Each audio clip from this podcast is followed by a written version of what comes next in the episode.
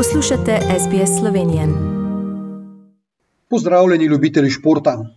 24. zimske olimpijske igre se zaključujejo, in v urah, ko tole poslušate, bo zaključen še zadnji slovenski nastop v Pekingu na ekipni tekmi alpskih smočarjev in smočark. Nič novega bi lahko rekli. Slovenci smo še enkrat več pokazali, da smo glede na svojo številčnost športna vele sila, ki je domov prinesla kar sedem olimpijskih odličij. Po Sočiju leta 2014, ko smo osvojili osem medalj, so to druge najbolj uspešne igre v zgodovini Slovenije. Kar dvakrat je na kitajskem zadonela tudi preširnova zdravljica. Najprej v čast Urši Bogataj, ki je osvojila zlato medaljo na ženski posamični tekmi, z bronasto medaljo okoli vratu pa je zdravljico lahko zapela tudi tretja na isti tekmi Nika Križnar. Peta na tej tekmi je bila Ema Klinec, deveta pa Špela Rogel.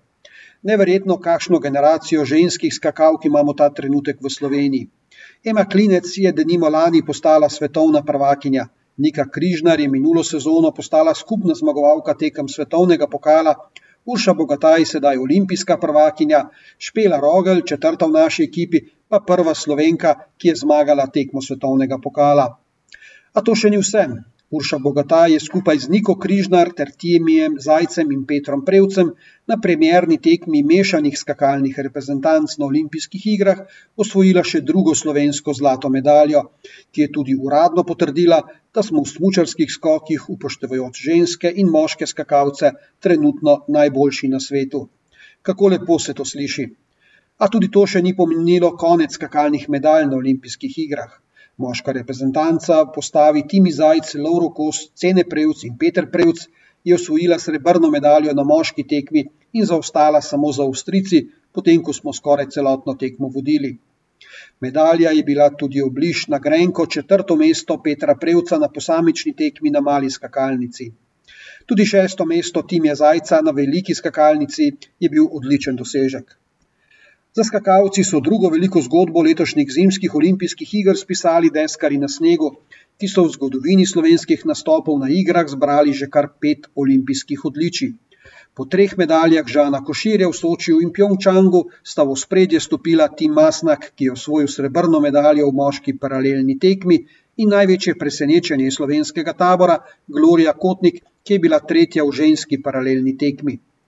Tim, ki je v preteklosti že bil tudi svetovni prvak, je sodil med favorite. Prav tako sta med kandidate za vrh sodila Timur Guč in Žan Košir, ki pa se jim v Pekingu ni šlo.